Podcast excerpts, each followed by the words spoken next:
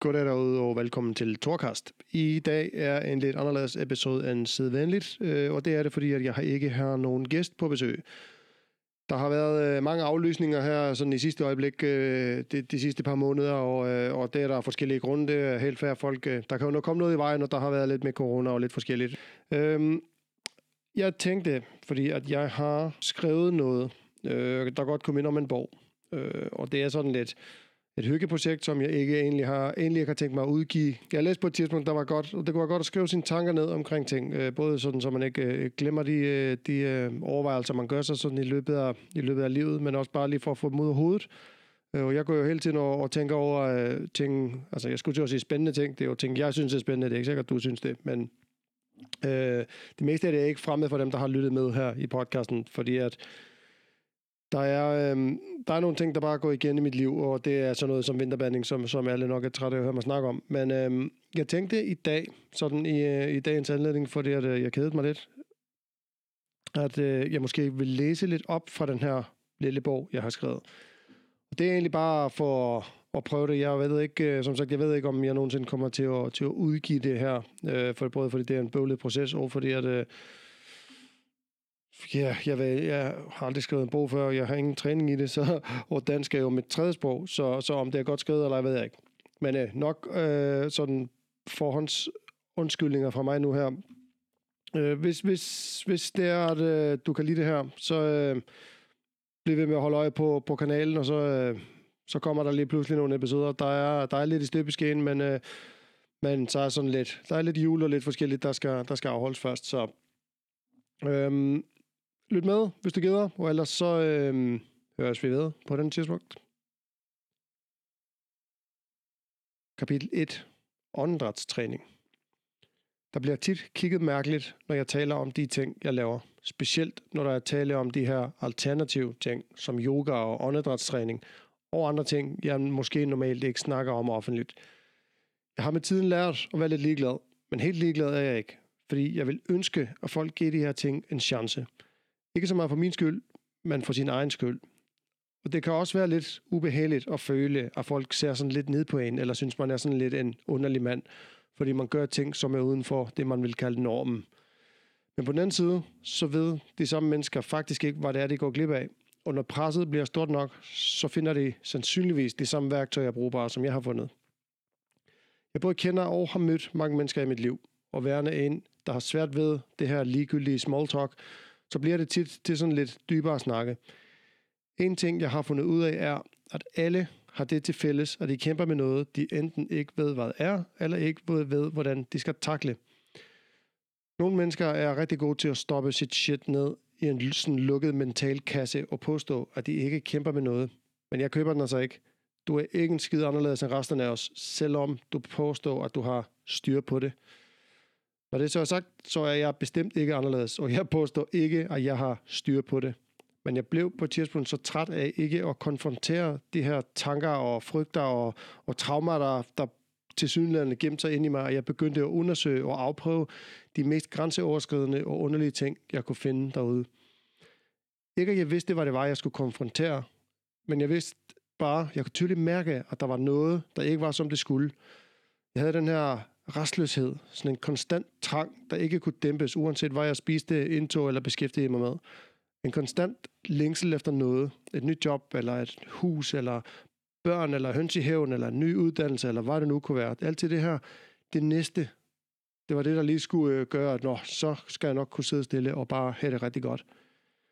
Jeg tror, de fleste mennesker går med en følelse af, at der nok er noget, man burde ændre, men ikke helt kan sætte fingre på, hvad det er. Vi har alle nogle adfærdsmønstre, vi måske ikke er klar over, der kunne optimeres, eller måske helt slittes. Og vores adfærdsmønstre, de bunder i mange forskellige ting. Det kan være opvækst, vores forældres holdninger og deres måde at snakke til os og andre på, eller noget helt tredje, noget, noget man har observeret og været omkring hele sit liv. Det, det, øh, det former en og giver nogle, nogle mønstre og noget adfærd, man, man har med sig, men måske ikke, overhovedet ikke er klar over, at man har med sig. Et eksempel kunne være, at hvis dine forældre aldrig rigtig har krammet hinanden foran dig, når du var barn eller ung, så kan det være, at du som voksen, helt ubevidst, ikke ser det som en normal handling at kramme din kæreste, for eksempel. De fleste adfærdsmønstre er vi slet ikke opmærksomme på, og det kræver derfor tit en episode for, at vi for alvor kigger på vores adfærd. En episode kunne være et skænderi med en ven, hvor vi får høvl for altid for eksempel at tale nedladende til vedkommende, eller det kan være en skilsmisse på grund af, at du er altid mentalt fraværende. Det kan være rigtig mange forskellige ting, øh, der kan ske i ens liv, men, men tit er det sådan, at den her, det man kunne kalde selvudviklingsrejse, den bliver udløst af en eller anden form for krise, om det er dødsfald eller sygdom, eller hvad det nu kan være. Det gik op for mig på et tidspunkt for mange år siden, og jeg talte ofte til min kæreste på en måde, der kunne opfattes som, som nedladende, eller som at jeg var bedrevidende. Men det var på ingen måde det, jeg gerne ville, og det var på ingen måde den måde, jeg mente det på. Efter jeg så havde gravet i det i lang tid for at finde ud af, for det første, om det, om det var rigtigt. Jeg synes ikke, jeg talte nedladende til hende, men hun havde jo sagt det nogle gange, så jeg tænkte, ved du hvad, måske har hun noget i det, så det må jeg lige kigge på, og det kan fandme være svært. Øhm, og efter jeg så gravede i det, fandt jeg ud af, at en person, der havde været vigtig for mig he- igennem hele min opvækst, inden jeg så rigtig meget op til, havde snakket ned til mig he- gennem hele min barndom. Og det var tit den her følelse af, at den her person vidste bedre, jeg var dum, jeg vidste ikke noget. Det jeg sagde, det var ikke rigtigt.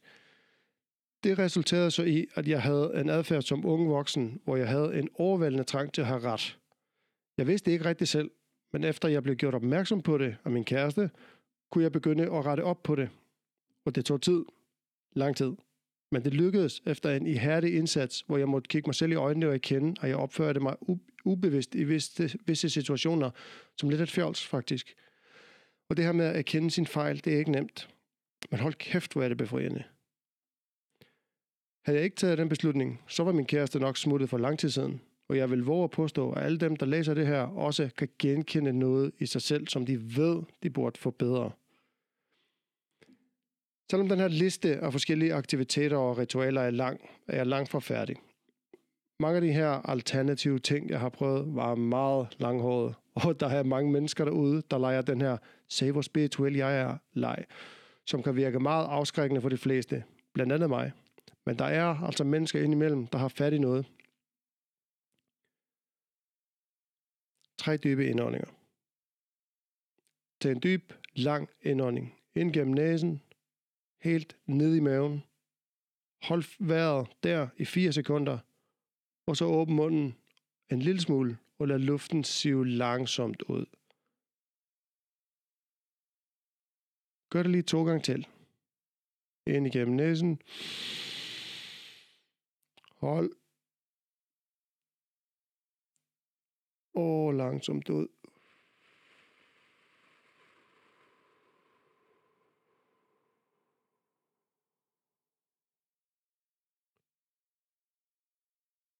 Så enkelt er det at få bare en lille smule ro i en travl hverdag eller i en presset situation. Få pulsen en smule ned og komme ud af sit hoved. Bare et kort øjeblik.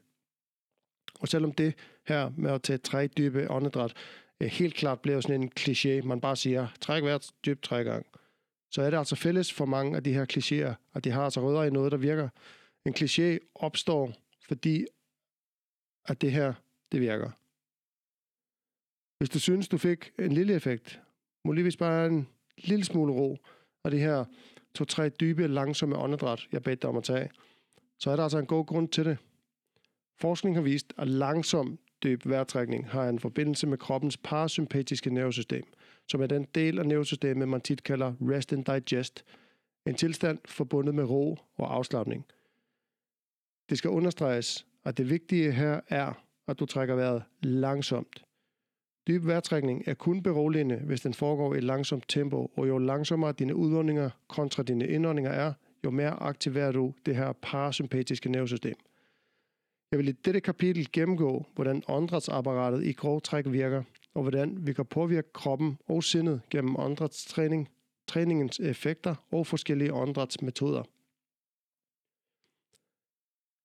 Jeg har som nævnt før prøvet rigtig mange alternative ting efterhånden – og hvis jeg skulle vælge én ting, der har haft de største mærkbare effekter, uden at jeg overhovedet behøver at tro på det, så er det åndedrætstræning. Jeg har derfor valgt at starte den her bog med et kapitel om, hvad bevidst åndedrætstræning er, og hvad den kan gøre for os.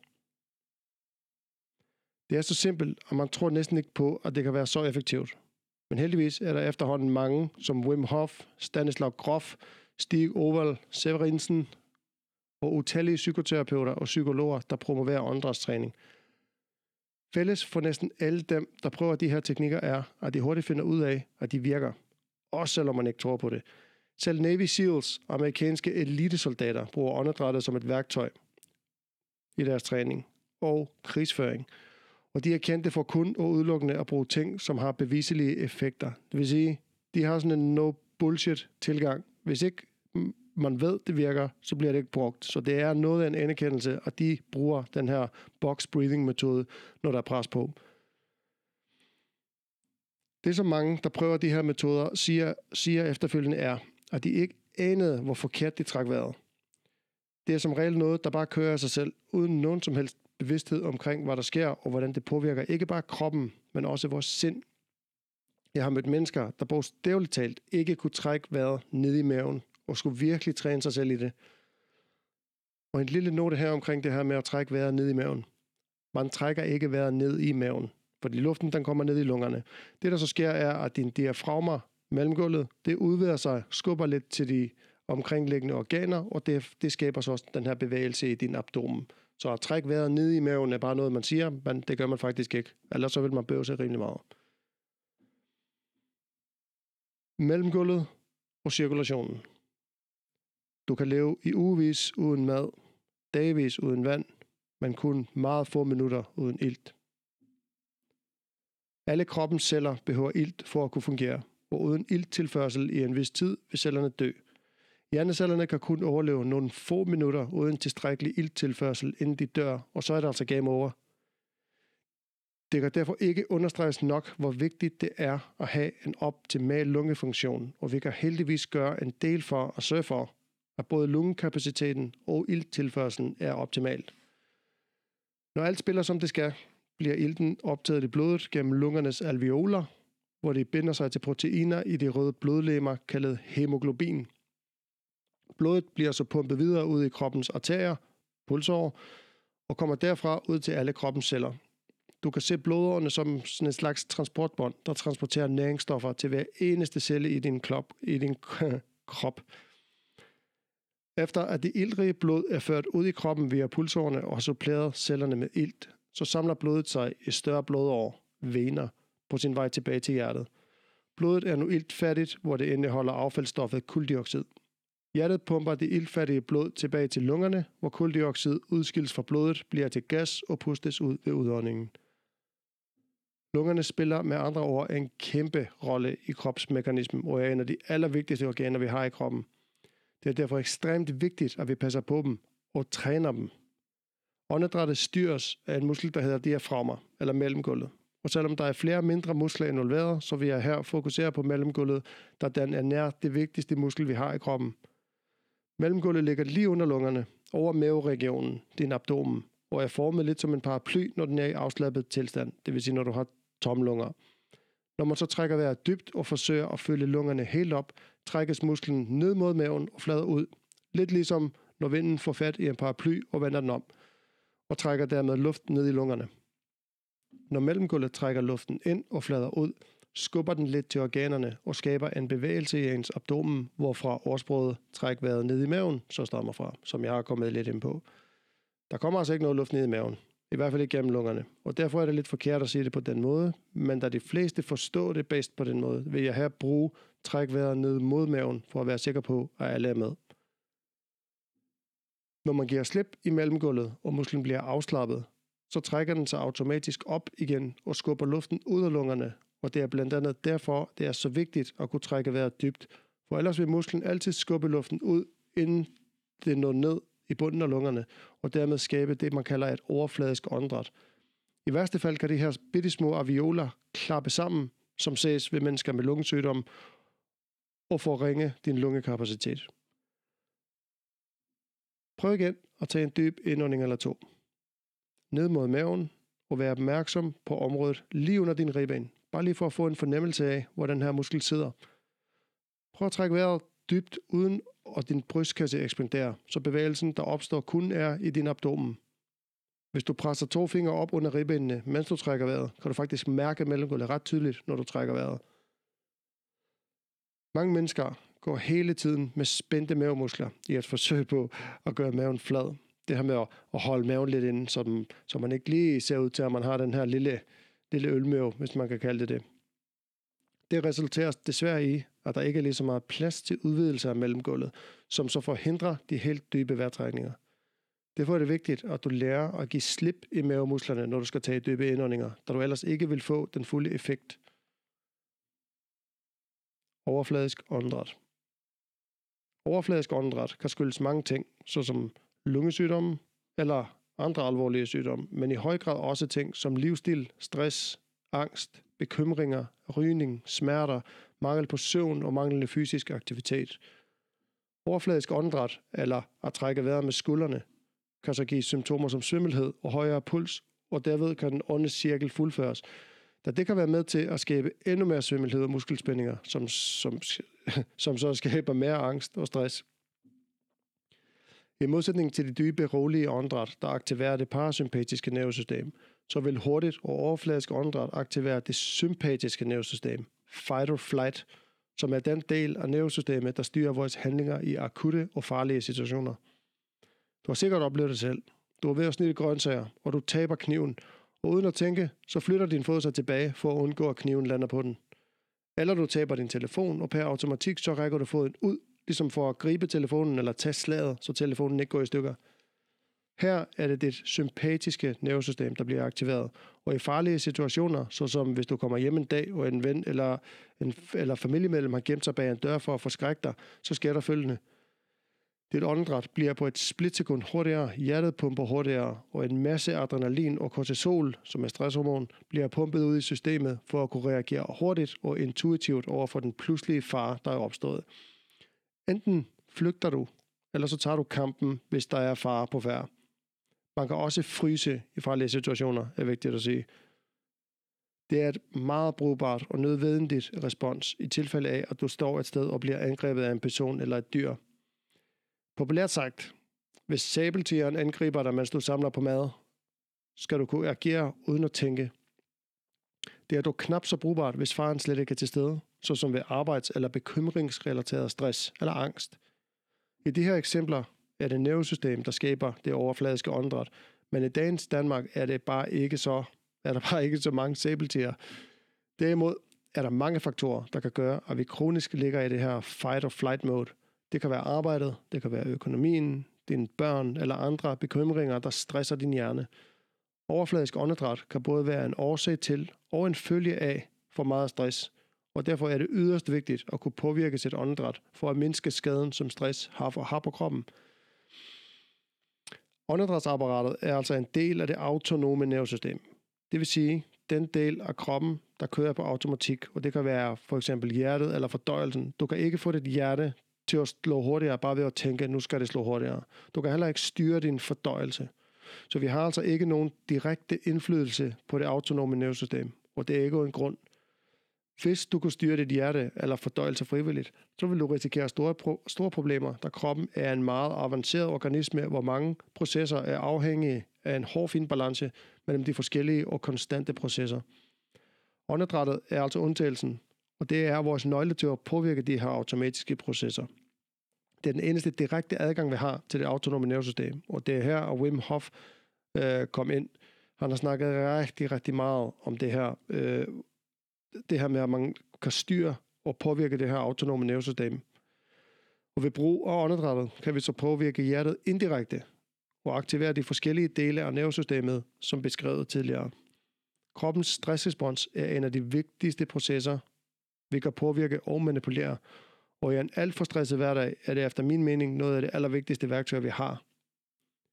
Det skal siges, at stress i sig selv ikke er en dårlig ting, og kortvarig stress er ligefrem godt for krop og sind. Når du for eksempel styrketræner, eller vinterbader, eller tager i sauna, eller cykler, eller løber, så stresser du kroppen kortvarigt, for så at restituere fra det stress, du skaber. Derved forstærker du din krop, og det samme gælder åndedrætstræning. Populært sagt, what doesn't kill you makes you stronger. Endnu en kliché, men den bunder altså i noget, der er rigtigt. Det er korrekt til en vis grænse. Men stresser du kroppen i for lang tid, kan det faktisk over tid slå dig ihjel. Mellemgulvet, som er den muskel, der... Bum. Jeg prøver igen. Mellemgulvet, som er en muskel, bliver ved bevidst træning stærkere, og det samme gælder dit hjerte og resten af kredsløbet. Det, der er lige så vigtigt, er, at du træner dit sind i at være opmærksom på åndedrættet. Hvis du når at blive det, jeg kalder ubevidst bevidst om dit åndedræt, lægger du hurtigt mærke til de første symptomer på stress hos dig selv. Du vil hurtigere opdage, når dit åndedræt bliver overfladisk, og kan meget tidligere sætte ind mod det, der påvirker dig. I sundhedssektoren kalder man det tidlig opsporing. Opdag symptomerne tidligt for at undgå yderligere udvikling. Mange mennesker har lidt eller ingen krops, kropsfornemmelse og har svært ved at mærke, når noget ikke er, som det skal være. Høj på koffein, nikotin, sukker eller andre rusmidler, stimulanser, er der tit bare ikke tid til at stoppe op og mærke efter. Åndedrætstræning er, efter min mening, det absolut bedste sted at starte. Det er nemt, det er gratis, det kan gøres hvor som helst, når som helst, kræver ikke lang tid i modsætning til for eksempel en yogaklasse på 60 minutter. Og ved at træne åndedrættet bevidst, skaber man en vane, hvor man bliver vant til at fokusere på en kropslig funktion, og der, derved bliver bedre til at observere kroppen og hvad der foregår inde i en. Det er faktisk lidt det samme koncept som det her mindfulness, som er opmærksomhedstræning. Jo mere du træner dig selv i at blive opmærksom på dig selv og din krop, jo, mere vil, eller jo hurtigere vil du lægge mærke til, når der, når der er noget, der ikke er, som det skal være. Et eksempel fra mit eget liv. Jeg havde en nærdødsoplevelse i 2010, hvor jeg i mit arbejde var millimeter fra at blive levende begravet. Det skete ved, at et to et halvt meter dybt hul, jeg var ved at afstive, brød sammen, hvor omkring 30 tons jord væltede over os, mig og min bror, og det har været ren og skær held, så løb jeg i den rigtige retning. Det var et spørgsmål om millimeter til eller fra, og i processen, helt automatisk og helt uden at tænke, fik jeg så fat i min brors trøje og fik revet ham væk i absolut sidste mulige øjeblik, og derved redde hans liv også. Umiddelbart efter episoden havde jeg det fint, og var ikke som sådan påvirket af det, der skete, i modsætning til min bror, der lige skulle bearbejde det, der var sket. Han var meget oprevet over det på vej hjem. Men jeg var også ung, 24 år, og som så mange, mange andre i den alder, troede jeg et eller andet sted, at jeg var udødelig. I ugerne efter begyndte jeg så at opleve noget, jeg senere fandt ud af, var panikanfald, hvor jeg pludselig helt ud af det blå fik det dårligt. Alt gik i sort, mit hjerte pumpede vanvittigt hurtigt, jeg kunne dårligt trække vejret, og jeg troede, jeg ville dø af et hjertestop. Det skete nogle gange i løbet af et par uger, og efter at have snakket med en kollega om det, fik jeg at vide, at det nok var panikanfald. Jeg snakkede så lidt med min bror, som tog, med, med, som tog mig med til chefens kontor, og gennem firmaets sygesikring kom jeg så til en sådan en krisepsykolog. En absolut underlig ting for mig på det tidspunkt, og faktisk virkede det lidt flot. Var jeg virkelig blevet sådan en, der ikke havde styr på tingene, og bare gik i panik helt uden grund. Det viste sig så, at det var ikke helt uden grund, at jeg fik det her panikanfald. Jeg havde endnu ikke sådan rigtig kædet dem sammen med den her episode her. Men den her psykolog gjorde så et godt stykke arbejde, må jeg sige. Og efter hun havde forklaret mig om tankemønstre og hvordan jeg skulle blive opmærksom på, hvilke tanker jeg havde lige umiddelbart inden de her anfald, så begyndte jeg at undersøge, undersøge hvad man selv kunne gøre, og fandt hurtigt frem til åndedrætstræning. I dag har jeg heldigvis ikke de her anfald mere, men det tog også noget tid at få styr på dem, og det som åndedrætstræningen gjorde var, at så snart jeg bemærkede starten af sådan et anfald, så lukkede jeg øjnene og tog dybe, langsomme ind-udåndinger for at bremse kroppen, inden panikken tog over. Så snart jeg kunne mærke, at mit åndedræt blev overfladisk og hjertet begyndte at slå hurtigere, så kunne jeg bremse det ved at trække vejret bevidst og kontrolleret og langsomt. Det kan ikke siges, hvor befriende det var at føle, at jeg havde en kontrol over det her. Da når det startede, kunne jeg ingenting gøre, og jeg så det slet ikke komme. Og efter sådan et anfald, hvor krop og sind kommer på vanvittigt overarbejde, var jeg så træt, både fysisk og mentalt, og jeg var nogle gange nødt til at tage en lur, og som 24-årig burde det altså ikke være nødvendigt med en morfar midt på dagen. En hellig og oplyst vismand er jeg ikke. Ikke, at det nogensinde har været mit mål. Og der er langt klogere mennesker end mig derude, der kan fortælle alt om videnskaben bag de her metoder, hvordan de forskellige teknikker på, kan påvirke øh, pH-værdier i blodet, og hvordan nervesystemet, nervesystemet reagerer på celleplan. Men det, jeg kan fortælle, er det her. Jeg får ikke altid lavet min træning dagligt. Der ligesom de fleste, så har jeg tit en lidt for travl hverdag. Men I de perioder, hvor jeg foretrukker vejret på en bevidst måde, kan jeg mærke stor forskel på ting som stressniveau, og som beskrevet tidligere, så kan man være stresset uden at gå ned med stress. Jeg kan også mærke forskel på irritationsniveau, restituering fra styrketræning, fokus, nærvær og søvn. Og det bedste ved det er, og det har vejende effekter. Det bliver til en ubevidst vane at trække vejret dybt i min dagligdag, og der går aldrig mere end et par dage imellem, og jeg så træner åndedrættet, da jeg begynder hurtigt at savne det.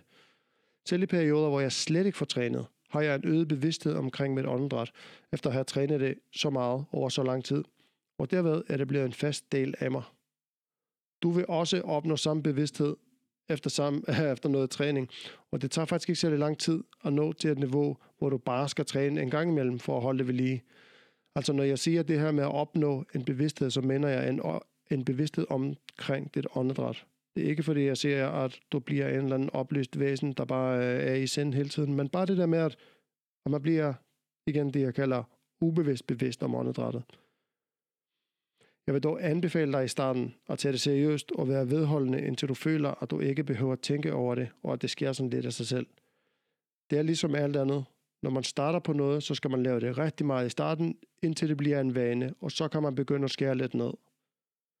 For mig er det største ved åndedrætstræning ikke nødvendigvis det, der sker, mens jeg træner åndedrættet, men mere det med, at der opstår en naturlig og ubevidst opmærksomhed omkring mit åndedræt i hverdagen. Og det gør, at jeg kan som regel spotte stress på vej, når min åndedræt bliver kortere, og derved få gjort noget ved det, inden det bliver til et problem, som jeg også skrev om i forbindelse med min panikanfald. Der er mange forskellige teknikker, alt fra forskellige yoga-teknikker, eller pranayama, som det hedder på sanskrit, til holotropisk åndedræt, Wim Hof-metoden, box breathing, rebirthing, butego og mange flere. De har alle sin plads i værktøjskassen og kan bruges i forskellige situationer, alt efter hvad ens motiv eller behov er.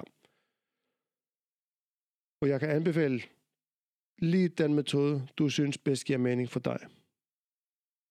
Der er efterhånden så mange, der opfinder nye teknikker med nye navne, og det kan være svært at finde rundt i, men stort set alle de her nye teknikker bunder i de samme teknikker fra Indien, som yogierne har brugt i tusindvis af år. De har bare fået nye navne, og nogle af dem er lidt blandet sammen. Sådan en som Wim Hof har været yogi i rigtig mange år, inden han opfandt The Wim Hof Method, og det bunder jo, som sagt, i yoga. Yoga er et stort system, der ikke bare er udstrækning, men også indeholder åndedræt og meditation og kost og livsregler og alt muligt andet. Prøv dem alle, hvis du har lyst og mod på det. Men find gerne en, der kan guide dig igennem de mere kraftige, såsom holotropic breathing, der den er altså ikke for sjov. Og det vil jeg bare lige understrege, det skal man ikke gøre alene. Der skal man have nogen til at hjælpe, fordi det er serious shit. Det bedste ved de her teknikker er, og efter du har lært dem, så kan du bruge dem gratis resten af dit liv, og du vil hurtigt lægge mærke til, hvor stor en effekt det har i din dagligdag. Det kræver selvfølgelig, at du træner, om ikke andet så bare 5 minutter, 3-4 gange om ugen, for at holde det ved lige. Jeg gør det tit på arbejde, hvis der er stress på, eller hvis jeg bare er lidt sur og irriteret, eller har sovet dårligt, eller jeg bare ikke gider arbejde. Så går jeg ind på toilettet, sætter mig bare 3-4 minutter, og bare lukker øjnene, trækker vejret bevidst. 3-4 minutter kan gøre utrolig meget, og virker som sådan en slags nulstillingsklap. Knap. Det er ikke nemt at læse lyd på, kan du høre. man kan med fordel tilmelde sig et kursus i en given teknik, for at være sikker på, at man lærer det rigtigt. Men en vigtig ting at huske er, at på sådan et kursus får du altså bare plantet et frø, og det er dit ansvar efterfølgende at vande den her plante og sørge for, at den ikke dør. Meget sjov metafor. Ellers bliver det en dyr fornøjelse at skulle på kursus hver uge for at få trænet. Der findes også utallige guidede videoer på YouTube, så hvis du gerne vil guides hjemmefra, så kan du søge teknikkerne derinde.